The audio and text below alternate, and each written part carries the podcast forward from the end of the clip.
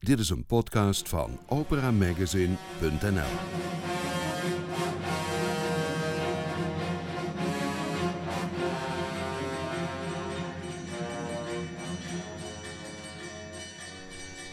Welkom in Studio Nibelheim. Hier hoort u nieuws, achtergronden en interviews over opera en lied.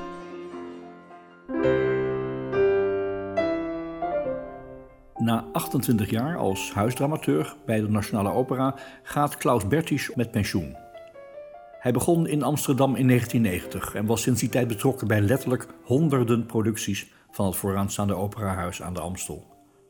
Na bijna drie decennia weet Bertisch exact waar opera over gaat. Theater en opera, dat gaat heel vaak ook over geheimen en over, over een, een sentiment en een gevoel dat je niet precies alles weet. Je hoeft niet alles te weten.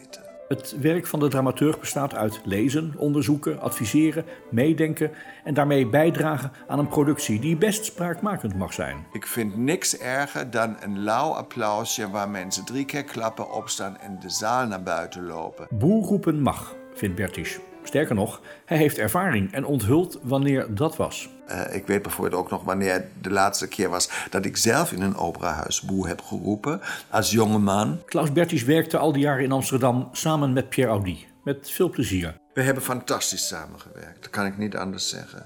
Aan het begin kwam ik hier en ik dacht: oké, dat doe ik maar twee, drie jaar. En nou, ik ben 28 jaar gebleven. Dat is geen slecht teken. Toch valt de naam van de scheidende intendant niet vaak in het gesprek, want het gaat over de dramaturg en over zijn rol in het programma van de Nationale Opera.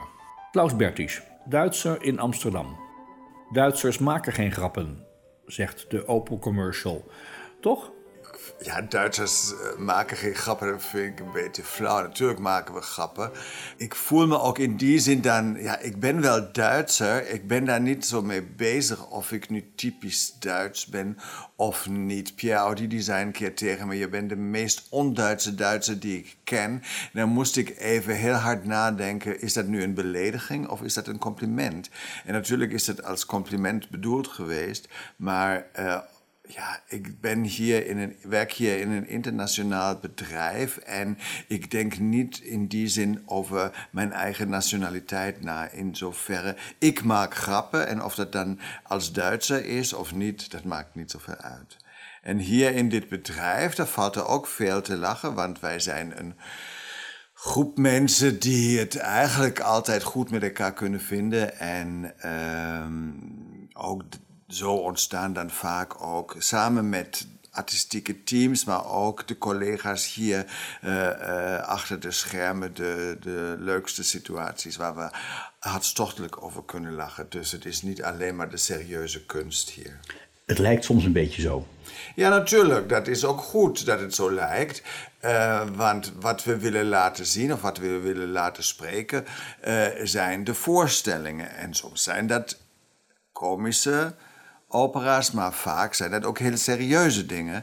En met thema's die ons allemaal aangaan en die ons moeten raken of ontroeren. En uh, ja, die grappen die wij hier binnen het bedrijf maken, die hoeft het publiek niet mee te krijgen. Zo'n opera vorig jaar, Johnny's Kiki, dat Ja. was echt volgens mij alleen maar pret, dan zeg ik iets niet Ja. begrepen heb. Was Kan ook je- dolle pret. Kan je daar dan ook nog je mee amuseren als je ook die hogere kunst die er verder omheen zit en die hier verder gebeurt, als je die belangrijk vindt, kan je dan nog gewoon pret hebben om zo'n luchtig uurtje... Absoluut, absoluut. Het is wel gevaarlijk. Je mag eigenlijk niet al te zeer over je eigen grappen eh, lachen, want dan weet je niet meer of die grappen daadwerkelijk ook door het publiek begrepen worden. Maar we hadden een hartstikke leuke tijd met eh, de zangers van Giannis Kiki en eh, we waren een heel hecht team en die regisseurs, hoe eh, veel grote kunst hij ook maakt, die heeft ook wel heel veel zin voor humor gehad. En dus ja, we hebben ook in de repetities en in het ontstaan heel veel gelachen. Het gaat bij jouw werk en in de programmaboekjes altijd over een klein stukje over die jaren hier bij DNO. Maar daarvoor was een leven in de buurt van Frankfurt. Ja. Kun je iets zeggen over hoe dat leven er als jongere in Frankfurt of omgeving uitzag? Ja, ik ben geboren dus in de buurt van Frankfurt, in een klein provinciestadje. En ik heb in Frankfurt gestudeerd. En daar heb ik ook mijn liefde voor de opera ontdekt. als, ik zeg heel vaak, ik kom uit de provincie. Dat, wie dat, dat merk je, soms vind ik, merk je dat nog, maar dat is gewoon, het is gewoon zo. Dat zijn dingen, of je, je, je verleden leg je ook niet echt af, hoe ver je ook daar uh, van weg bent. Maar uh, er zit altijd nog iets van die naïeve jongen uit Groß-Gerau in me, vind ik. Um, en Frankfurt, ja, de opera in Frankfurt in die tijd, dus dan hebben we het over de jaren 70, 80. Dat was een spraakmakend huis in die zin dat vanuit daar uh, heel veel nieuwe impulsen kwamen en ik daaraan uh, mee heb gewerkt, heel veel daar geleerd heb, heel veel interessante regisseurs heb ontmoet. En de, de manier om naar opera te kijken is in die tijd eigenlijk veranderd. En dat is natuurlijk iets wat ik mijn leven lang met me meedraag en wat ik ook mijn leven lang probeer dan naar buiten te dragen en mensen te beïnvloeden. Dat er ook een andere manier is om naar opera te kijken dan alleen maar op een historische of in aanhalingstekens museale manier je bent niet vanuit de muziek in de opera terechtgekomen, maar vanuit de literatuur. Weet je nog wat ja. die keuze was dat je literatuur Engels en Duits ging studeren? Ja, ja hoe dat. Ik heb me, dat heeft met, met opleiding, met school, met ouders te maken. Mijn vader die heeft ontzettend veel gelezen, had heel veel boeken thuis staan. En, en uh, daar heb ik dan af en toe dat een en ander gepakt. Iemand uit onze familie heeft in een bibliotheek gewerkt, dus ik had altijd iets met boeken. Alhoewel ik daar moet zeggen, dat is wel interessant. Als, toen ik begon, echt als, als, als hele kleine jongen uh, voor het eerst naar school ging, was het lezen voor mij niet zo makkelijk. Dus ik heb ontzettend hard moeten werken. En dat harde werken heeft mij natuurlijk ook beïnvloed dat ik altijd ja, die contact met de boeken ben blijven houden. Dus um, je doet extra je best om je iets eigen te maken en dat uh, werk wat je daar verricht beïnvloedt je op je voor je verdere weg ook, vind ik. Op wat voor manier? Nou ja, ik, ik, uh, ik, ja ik, het is nu ook nog zo. Je kan natuurlijk nu ook alles digitaal lezen en je hebt je e-reader en weet ik veel wat. Maar ik vind ook dat bijvoorbeeld dat haptische wat een boek heeft, dat boek in je handen houden, uh, dat vind ik spannend. Dus dat is, ja, wat tastbaar is. Maar ja, dat ik, dat ik hard moest werken om te leren lezen, heeft me altijd in contact met het lezen gehouden. Ik uh, ben dat nooit kwijtgeraakt. En dan dus inderdaad die invloeden en um, school. Eh, je, je, wordt beïnvloed door je eh, leraar. Uh, als je iemand hebt, een, een, onderwijzer voor Duitse uh, taal, en die weet je dicht bij literatuur te brengen en die zet impulsen en dan blijf je dat houden. Ik kan me heel goed herinneren op het gymnasium dat we Maria Stuart van Schiller hebben gelezen en ik moest daarover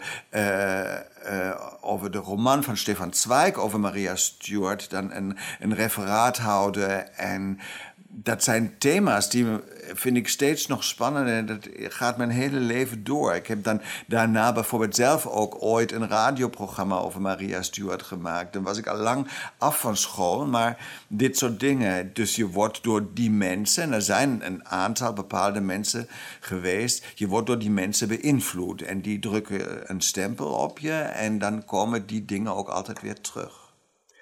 Welke boeken zijn figuurlijk met je meegereisd uit die tijd naar het heden van 2018? Oh jee, dat is moeilijk. Een boek wat ik heel belangrijk vond was om te lezen was uh, Effie Briest van Theodor Fontane bijvoorbeeld. Verfilmd door Fassbinder later. Absoluut, ja.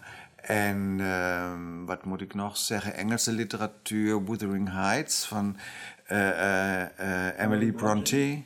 Maar bijvoorbeeld dan ook, daar had ik helemaal geen idee dat ik ooit in Nederland zou belanden, de aanslag van Harry Mulisch. Dat vond ik ook een heel spannend en, en, en heel goed boek. Dus um, ja, dit soort dingen. Heel breed eigenlijk. Het is ook nu nog zo, als ik op vakantie ga, dan probeer ik altijd een nieuw boek te lezen, wat recent uitgekomen is, en een oud boek, um, wat je hoort gelezen te hebben. De klassiekers en, en uh, ja, Dus zo probeer ik daar ook. Maar privé lezen is iets wat moeilijk is, want ik heb zoveel met lezen te maken. En door het samenstellen van de programmaboeken ben ik altijd op zoek naar uh, het passende uh, stukje tekst en zo. Dus ik moet heel veel lezen. En als ik dan alleen maar voor ontspanning privé iets ga lezen en ben niet op vakantie, zo tussendoor eventjes, dat lukt me meestal niet. Dat moet, dan moet ik dan de rust van de vakantie hebben dat ik echt ook een boek kan afmaken.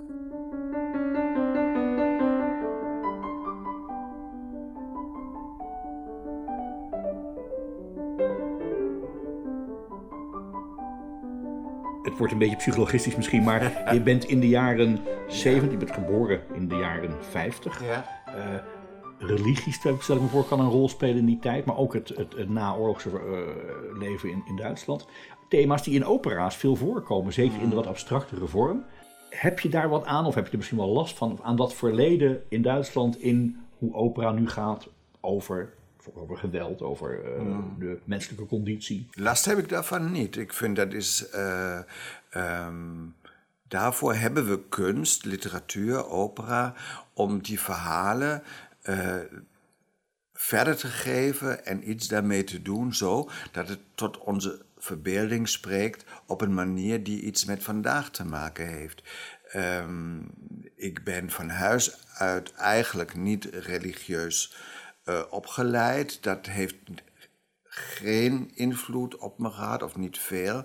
En of ik heb dan ook wat geloof betreft mijn eigen weg, mijn eigen geloof zou ik maar zeggen, gevonden. En um, het naoorlogse gebeuren en, en het weten om Nazi-Duitsland, de houding die je daarover uh, over moet innemen, dat heb ik dank ook, zijn mijn ouders, uh, heel vroeg gehad, heel duidelijk geleerd. En ik ben van mening dat die verhalen die we vandaag dan vertellen in een ansenering, in een regie, die kan je zien met zo'n oog en kan je zien met dat allemaal in je achterhoofd. En die kan je ook zo vertellen, maar daar is ook geen regel voor. Dus je moet altijd weer opnieuw kiezen, um, wat kan ik met dat weten wat ik heb over de oorlog, over het verleden, over bepaalde ontwikkelingen, over gedrag. Um, hoe zinvol is dat om in een opera naar voren te brengen? Ik ben altijd nog even huiverig om het echt letterlijk uh, aan iets te relateren, om een concrete tijd af te beelden. Um, in principe vind ik vaak is het beter om iets abstract te laten spreken, want dan hebben misschien meer mensen daar iets aan dat het hun bereikt. En als het heel concreet is, is het soms het gevaar dat men. Uh, kan zeggen, oh, dat heeft niks met mij te maken. Uh, dus die kunnen zich daarvan afzetten. Dat zal jammer zijn. Ik wil dat het de mensen echt bereikt. Aan de andere kant is het zo, mijn lievelingsvoorbeeld is daar uh, La Traviata van Verdi. Um, Verdi heeft deze opera geschreven voor een eigen tijdspubliek. In de zin van dat verhaal is gebaseerd op een waargebeurd verhaal van de prostituee Marie Duplessis. En daar heeft uh, Alexandre Dumas een boek over geschreven. Hij heeft waarschijnlijk zelf met deze dame een affaire gehad.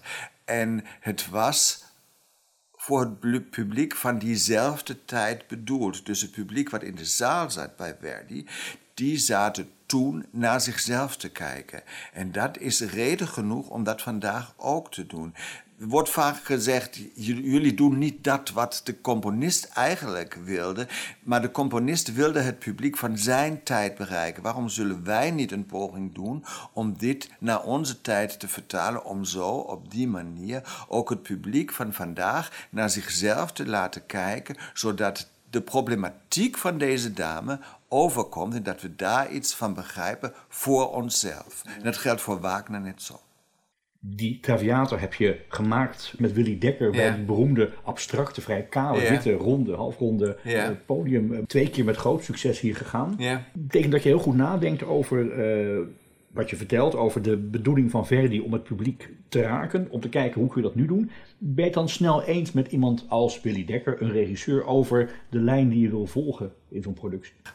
Uh, het is altijd een werkproces en we proberen elkaar natuurlijk te vinden. En ik uh, heb daarin ook niet de gezaghebbende of de beslissende rol. Ik kan uh, ideeën en gedachten aandragen en kan tegen hem zeggen: denk hierover na, denk daarover na. Voor ons was in het ontwikkelen van deze productie bijvoorbeeld de factor tijd heel belangrijk. En daarom kwam die ontwerper dan met die grote horloge. Wat is stilstaan van de tijd? Wat is het verder gaan? Wat is het razen van de tijd? En hoe snel loopt tijd af? Dat waren uh, zeg maar in de voorbereiding toen we aan het brainstormen waren kernzinnen en kerngedachten die we dan probeerden op een theatrale manier neer te zetten.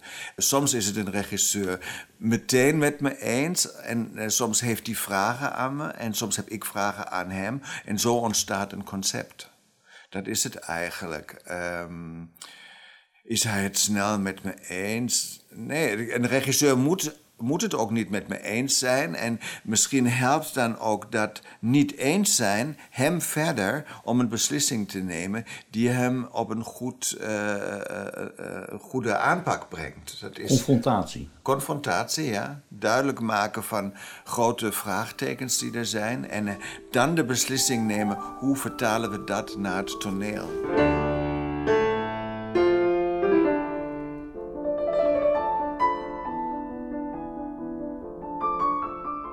Je bent vaak geïnterviewd over die rol van dramaturgie, hè, over het, het, het, onderzoek naar een productie, maar ook naar hoe het publiek reageert. En nou, dat heb je al tot vervelend toe moeten uitleggen waarschijnlijk. Maar um, het is ook een hele ingewikkelde rol als het gaat om de verhoudingen. Want je hebt met een regisseur te maken, het artistieke genius. De, met een productie, met een huis, met een directeur, met publiek, met geld, met tijd. Um, uh, wat is jouw recept om daar handig in te opereren? Want dat lijkt me een hartstikke lastige rol. Het belangrijkste is waarschijnlijk dat je je uh, flexibel moet opstellen en dat je flexibel moet kunnen omgaan met de verschillende ego's waarmee je geconfronteerd bent, wat de regisseurs betreft. En dan hebben verschillende regisseurs ook verschillende behoeftes. Allerbelangrijkste is als je problemen hebt en als je problemen ziet en als je vragen hebt, dat je dat altijd moet uiten. Je mag niet uh, uh, stil blijven zitten en het laten gebeuren. Dat is, denk ik, dan heb je de functie van een dramaturg echt niet begrepen. Want een, een dramaturg moet vragen stellen en moet uh, de regisseur attent maken op bepaalde dingen. Ik wil niet of wel zeggen problemen. En uiteindelijk is hij de verantwoordelijke. Um, ik bedoel, ik kan hem alleen maar. Ik ben, dat is een klankbordfunctie, dat is een toedragende rol die ik heb. En als hij dan de beslissing neemt om het toch tegen mijn advies in anders te doen, dan is de hij daarvoor de verantwoordelijke en niet ik. En uit je dat chagrijn ook? Absoluut, ja. ja, ja ik hoe, denk, hoe doe je dat? Hoe, weten ze, hoe kunnen ze aan je zien dat je echt not amused bent over een bepaalde keuze? Of... Het is niet te zien, ik zeg dat. Ik zeg, ik, zeg uh, ik vind dit niet goed of ik vind, uh, kan hier nog even over nadenken. Ik heb hiermee een probleem of uh, wat wil je daarmee eigenlijk zeggen? Of dat past niet bij dit. En, en deze lijn zien we op die manier niet terug als je dat, deze beslissing neemt. Maar soms moet je ook, en dat is theater ook, je moet soms ook compromissen sluiten. Dus je hebt een soort tijd ter beschikking waarin je een productie kunt maken. En je kan niet eindeloos over een scène uh, uh, doorgaan en dan laat je het première-datum bij wijze van spreken verstrijken. Want uh, de première-datum staat vast. Ik kan me herinneren, in Frankfurt, wij deden een productie van Les Troyens. En in de, volgens mij in de vierde acte zit het grote duet tussen Didon en Aîné. En het kwam er alsmaar niet van dat een, daar een spannende scène uh, uh, tot stand kwam. En uh, ik was daar niet persoonlijk de dramaturg, maar ik weet dat Michael Gielen toen, de dirigent, die zei: ja, we hadden eigenlijk alleen maar dit duet nog acht weken lang verder kunnen repeteren, dan waren we misschien op een punt beland dat het acceptabel was. En dat heb je natuurlijk niet. Je hebt, in principe heb je zes weken om iets neer te zetten en daarmee moet je het doen. En bij bepaalde dingen kom je tot een punt en bereik je dat wat je wil. En op andere momenten niet. Ben je wel eens weggestuurd door een regisseur? Nee. Is me niet overkomen. Oh, ik wil draai het om. Uh, we hebben een productie gedaan jaren terug die niet zo heel succesvol was. Uh, achteraf bezien was het misschien niet zo slecht als het leek. Uh, Mephistofele van Boito met een Engelse regisseur um, Graham Vick. En ik was daar niet de dramaturg van. Ik had wel een goed, redelijk goed uh, contact met Vic zelf. En, en deze productie leek in een bepaald stadium duidelijk uh, niet zo te worden als wij dat hadden gehoopt. En um, Graham maakte vrij veel ruzie met iedereen bijna hier in het pand. En ondanks dat ik niet de dramaturg was, ben ik toch altijd ook met hem gaan praten. En aan het einde was ik een van de weinigen waar hij echt ook nog mee heeft gesproken en nog vertrouwen in had. Dus, uh, en toch sta ik daar niet als dramaturg genoemd, want mijn bijdrage was misschien minimaal, maar uh, uh, misschien was die dan toch wel zo groot dat uiteindelijk wel een voorstelling kon plaatsvinden.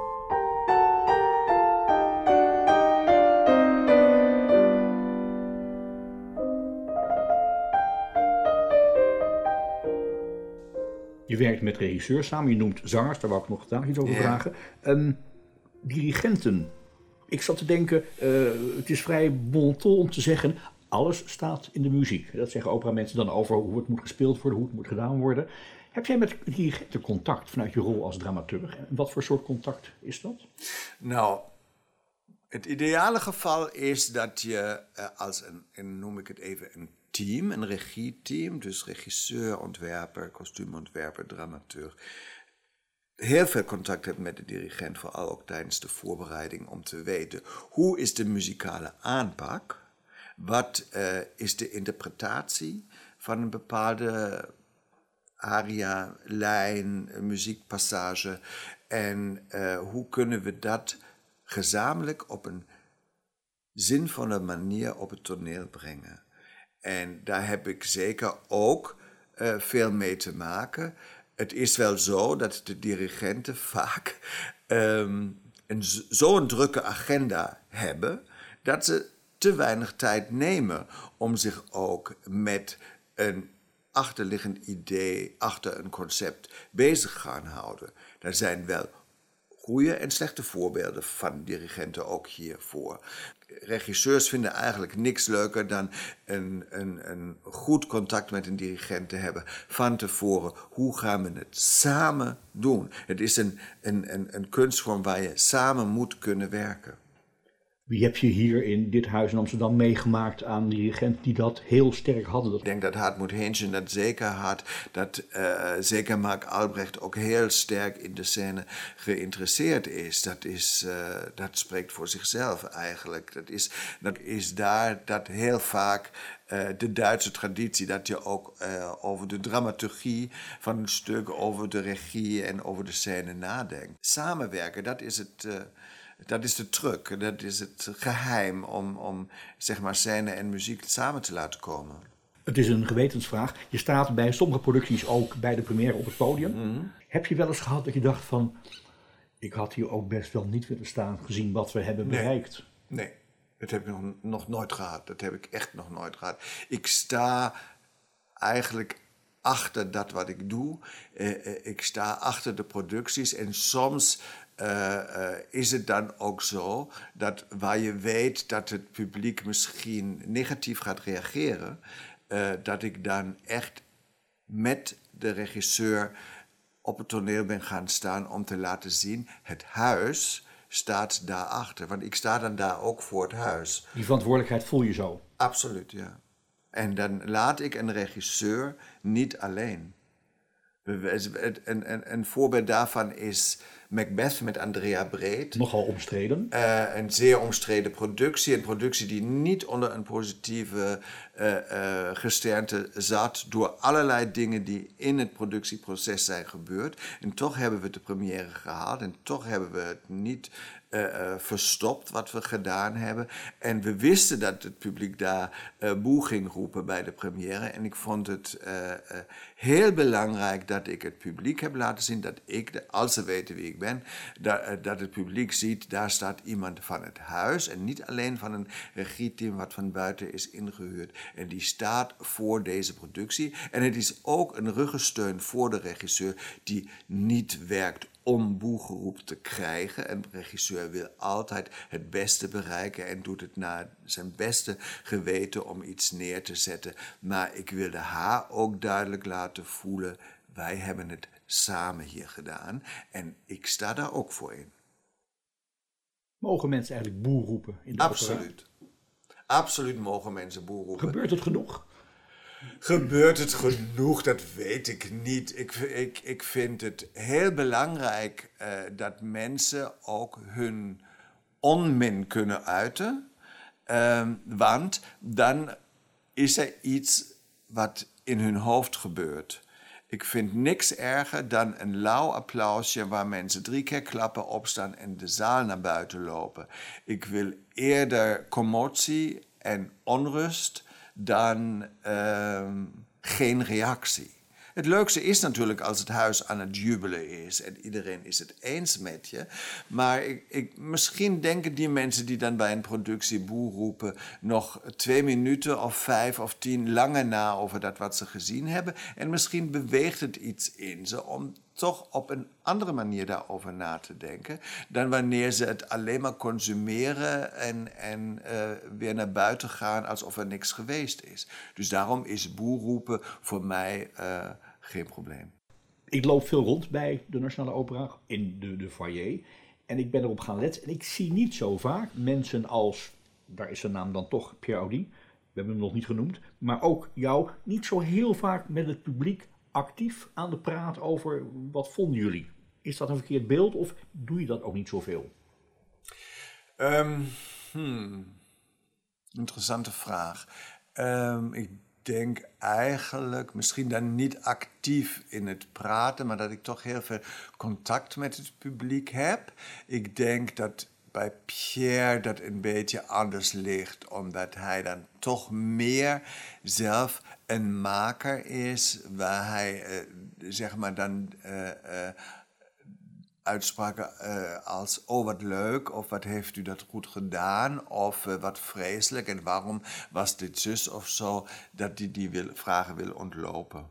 Ik denk dat mijn uitwisseling met het publiek eigenlijk vrij groot is, veelvuldig, veelzijdig. Hoe weet je wat het publiek vindt? Hoe, hoe, hoe, wat zijn jouw kanalen om dat te peilen? Ik vind het eigenlijk bijna beter als ik dan door het publiek loop en uh, niet echt met ze ga praten, maar dat ik eigenlijk beter ga kijken en misschien stiekem ga luisteren hoe de reacties zijn. Dat je zo'n beetje een sfeer probeert op te pakken en hoe de reacties zijn en, en hoe de gezichten zijn en zo. Dat is eigenlijk zo. Ik hou daar sowieso van om mensen, naar mensen te kijken en even te zien wat ze doen en hoe ze reageren.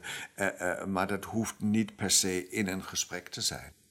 Ja. Ik vond een oud interview uit 2002 met je waarin je zegt van ik ben er ook voor de zangers als die willen ja. weten hoe hun rol werkt.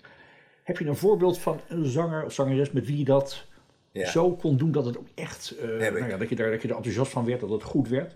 Nadien seconde. Nadien seconde, ja. ja. Die waar die heel veel wilde en ook heel veel bereikt heeft. En nog steeds een, een, een goede vriendin van me is. Um, die stond in de reprise van De Ring, hier. Je hebt dan uh, de scène waar zij uh, heeft het uh, niet naar de wens van haar vader gedaan. Zij heeft Siegmund beschermd tegen zijn advies in, of tegen zijn vraag in. Zo'n Brunhilde voor de duidelijkheid. Brunhilde, ja. ja. En dan komt het dat ze in een tweegesprek zegt zij tegen hem: Waar is zo schmeerlich was ik verbraag? Was het zo erg wat ik gedaan heb? En dat is natuurlijk eigenlijk, iedereen is weg. Verder die daar op toneel was, zijn haar zusters, de Walkuren enzovoort. En het is het moment der waarheid wat gekomen is. En nadien zei tegen me, want zij Ze stonden heel ver uit elkaar, Wotan en Brunhilde.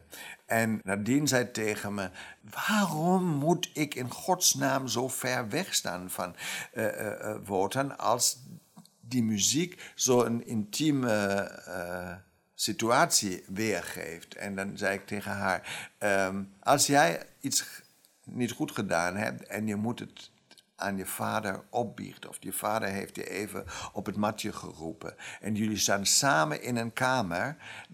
Sta je dan dicht naast hem of sta, probeer je juist de uithoek van de kamer, het uiterste andere einde van de kamer op te zoeken om hem niet persoonlijk aan te raken, hem niet in de ogen te moeten kijken. En toen zei zij vanuit zichzelf, ja, ik ga natuurlijk in de, in de uiterste andere hoek staan. En dan zei ik, ja, kijk, dit decor is je kamer. Dus je moet zo ver uit elkaar staan om tot dit gesprek. Om dit gesprek op je eigen manier te kunnen invullen en beleven. En dat begreep ze. Dus zeg maar, zo probeer ik dan, dat was bij een reprise, ook met zangers te praten en te werken. Dat ze dat begrijpen wat wij op het toneel hebben neergezet.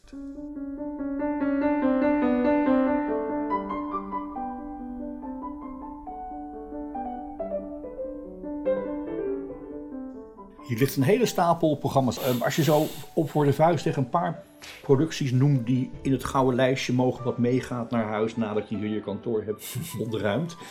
Gurrelieder. 100% Gurrelieder waar ik... Uh, waar het toch heel uh, fijn was om naar een muziek die wel theatraal overkomt, uh, in die muziek te zoeken naar een theatraal verhaal, wat het waard maakt om het op het toneel neer te zetten. En ik denk dat is heel erg goed gelukt. En waar we dan uh, uh, geprobeerd hebben ook om die rare opbouw met aan het einde die spreker die dan als laatste komt en dan op een soort sprechgezang uh, van Schönberg nog een, een lange passage heeft. En wij eigenlijk dachten, dat zou toch eigenlijk een rol moeten zijn die door het hele verhaal gaat. En waar ik dan op zoek ben gegaan naar andere teksten en wel van dezelfde auteur die het libretto heeft geschreven van uh, Schönberg uh, teksten gevonden heb, tekst, teksten gekozen heb in overleg met Pierre, waar we dan die um, rol van de spreker een beetje hebben opgewaardeerd. Dat vind ik ja, is echt een van mijn grote favorieten. Als ik probeer de tijd uh, daardoorheen te gaan in mijn periode, natuurlijk, daar was de eerste samenwerking hier in Amsterdam met Willy Dekker, die eerste Wozzeck die hij hier gedaan heeft.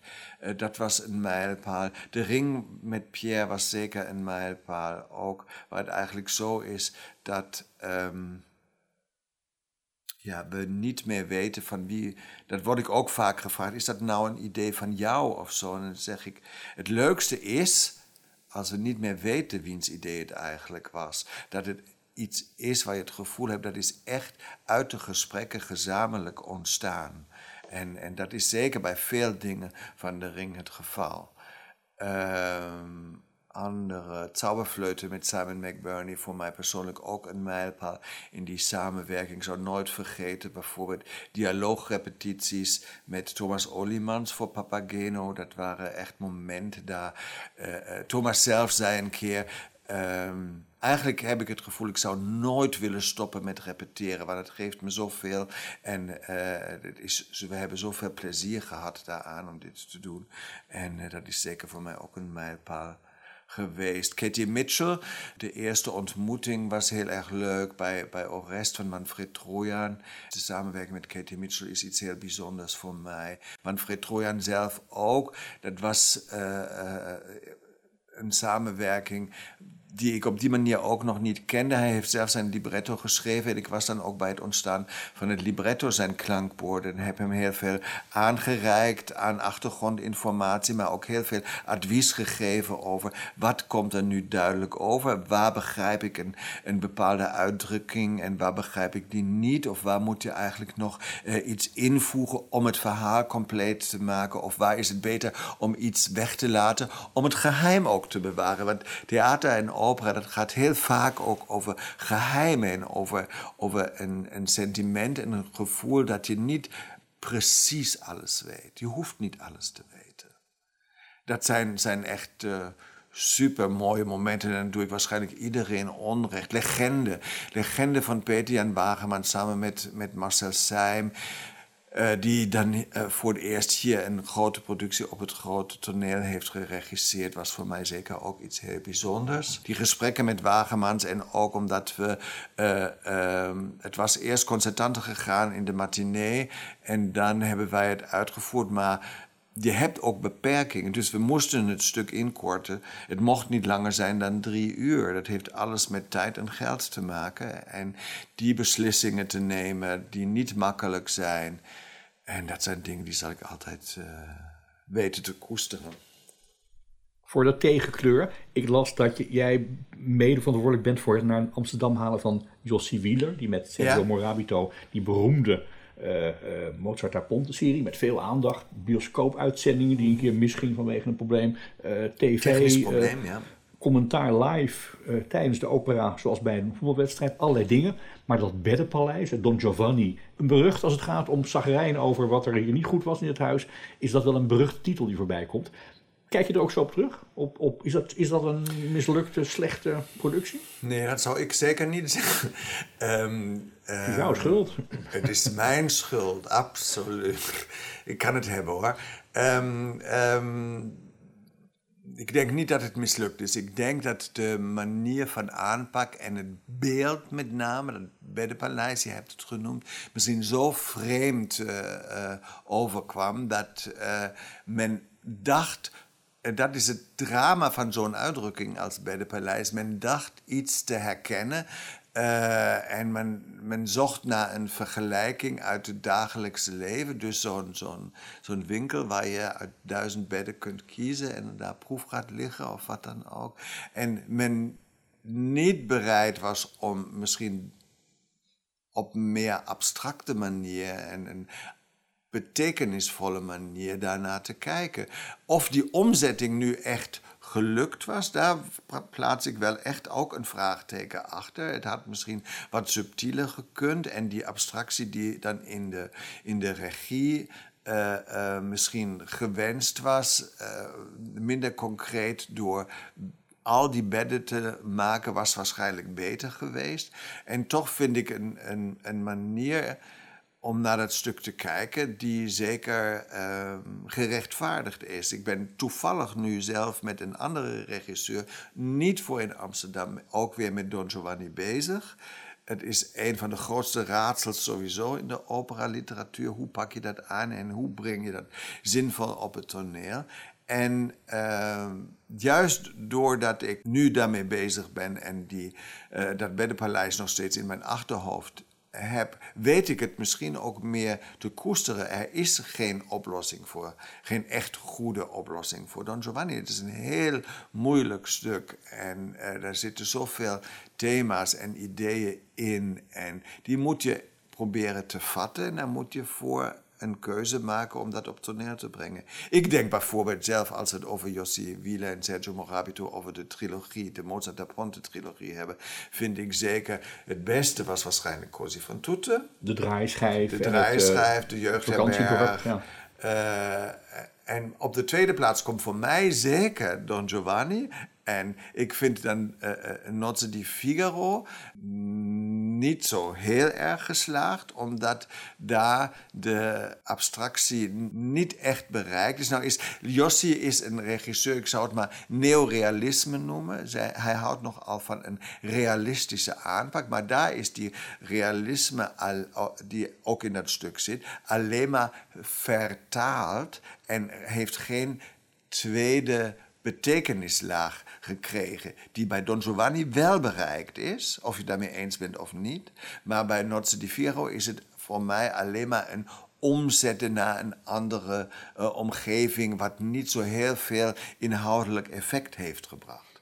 En, uh, en die auto's van het merk Alma Viva zullen wel niet verkocht hebben ook waarschijnlijk. Nee.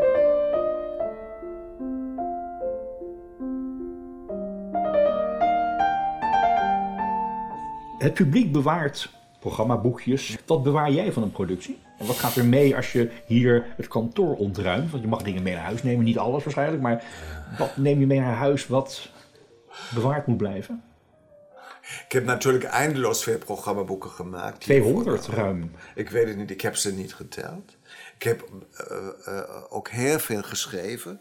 Dat vind ik fijn. In het Mozartjaar dacht ik, misschien kunnen we een bundel maken met al mijn Mozart-essays. Dat was zo'n beetje een stokpaardje van me. En nou ja, goed, ik neem al die boeken die ik gemaakt heb ook mee naar huis. Of heb ze al thuis. Opera is een vluchtige kunstvorm. Um, de op opera leeft van het moment. Ik ben een grote uh, strijder voor het bezoeken van live-uitvoeringen en niet gaan naar dvd's kijken en niet naar de bioscoop, naar de uitzending van de Met gaan. Uh, je ontneemt je het lijfbelevenis. En dan is het na die voorstelling ook alweer voorbij. En je koestert deze momenten die je hebt gezien en je hebt een, een, een, een emotie die je meeneemt en je hebt uh, het plezier wat je hebt gehad, of de ergernis misschien ook.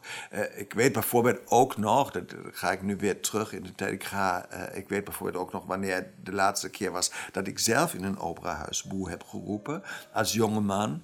Um, dus die dingen, die emoties, die neem je mee. Waar was dat? Want dat wil ik wel weten. ja, dat was eh, de zomer voordat mijn professioneel leven bij de opera in Frankfurt begon, heb ik de kans gegeven om luidruchtig boe te roepen in het Festspielhaus van Bayreuth bij een voorstelling van Lohengrin geregisseerd door Götz Friedrich. Omdat ik de zangprestaties niet geweldig vond en omdat ik de regieoplossingen uh, ook niet geweldig vond. En dan heb ik als jonge man net uh, afgestudeerd 120 mark betaald voor een kaartje. En dan vond ik dat het mijn recht was ook om mijn mening op die manier te uiten. Sinds die tijd heb ik geen boel meer geroepen in geen enkel operahuis ter wereld. Heel veel voorstellingen gezien. Want ik vind dat hoort dan bij een professioneel. Iemand die daarbij betrokken is, ook niet. Maar wat je meeneemt, wat je zou moeten meenemen, zijn die emoties en die uh, muzikale momenten en die hoogtepunten waar ik talloze heb mogen meemaken. Uh, uh, waar ik me vandaag nog bij bepaalde dingen het kippenvel kan herinneren wat ik heb gehad. En um, dat moet je meenemen, dat moet je proberen in je hart en in je hoofd te bewaren. Dat is veel belangrijker dan een kaartje of een boekje of uh, een foto. Deze dingen kunnen je wel helpen dat te herinneren. Om het terug te halen. Ja. Om het terug te halen. Maar het lijfbelevenis en dan loslaten en misschien naar een volgende te gaan. Dat is voor mij het allerbelangrijkste en het mooiste ook. Per 1 november met pensioen dat lijkt een beetje zich af te spelen in de schaduw van het afscheid van Pierre Audi. Is 28 jaar Nationale Opera um, uh, in de schaduw geweest van Audi of voel je dat helemaal niet? Helemaal niet. Nee, ach nee, dat is... Ik weet wat ik hier gedaan heb. Heel veel. Ik heb een heel vriendschappelijk band uh, met Pierre. Pierre heeft uh, heel veel voor mij betekend. Hij heeft mij heel veel dingen ook laten doen, heel veel vrijheid gegeven. Heeft mij mezelf laten vinden, heeft me gestimuleerd en heeft me gemotiveerd. We hebben fantastisch samengewerkt, dat kan ik niet anders zeggen. Aan het begin kwam ik hier en ik dacht: oké, dat doe ik maar twee, drie jaar. En nou, ik ben 28 jaar gebleven. Dat is geen slecht teken. 15 november première Scala en uh, eh, 31 mei première Amsterdam van achtereenvolgens de Partie van Koertuig en Als Licht van mm -hmm. Stockhausen, waar je alle twee bij betrokken bent als mm -hmm. dramaturg wordt dat heel anders nu je niet meer je eigen bureau hier in het gebouw van de Nationale Opera hebt? Het wordt zeker vrijer uh, in de zin van, ik, uh, dus ik ben dan straks niet meer met een vast contract hier aan het bedrijf verbonden.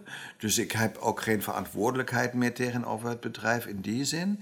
Uh, ik hoef geen vergaderingen meer in, ik hoef geen administratie meer te doen en ik hoef geen proeflezen meer te doen. Dat vind ik heerlijk, daar kijk ik naar uit. Het andere werk, dus het werken met de regisseurs aan een concept of aan een essay of uh, ik weet niet wat aan een, een benadering, uh, research, achtergronden. Uh, dat gaat lekker door en dat vind ik fantastisch en dat is een privilege en dat, daar verheug ik me ook op, dat ik door kan gaan. Ik ga ook lesgeven. Ik heb nu net een reeks lessen achter me hier aan het conservatorium in Amsterdam met de jonge zangers. Ik ga lesgeven in Duitsland aan een decorontwerpersopleiding waar ik met de studenten een opera analyseer, waar ze op basis van deze analyse een maquette moeten bouwen. Dan gaan we toetsen, werkt het, werkt het niet, waaraan moet het voldoen en zo. Het is een nieuwe uh, manier voor mij, een nieuw ding voor mij. En ik, ik blijf producties doen. Ik hoop dat ik nog een beetje meer tijd vind om dingen te schrijven. En dan kijken we even. Geen rust de komende jaren Ik ben het niet van plan. Ik bedoel, ja, ik, ik ga het proberen het wat meer ontspannen aan te gaan.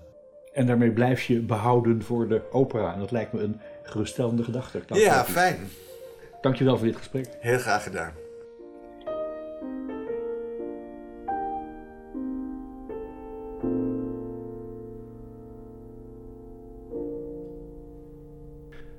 Dit was Studio Nibelheim, een podcast van operamagazine.nl. Productie François van den Anker. Kijk voor al het opera-nieuws op www.operamagazine.nl.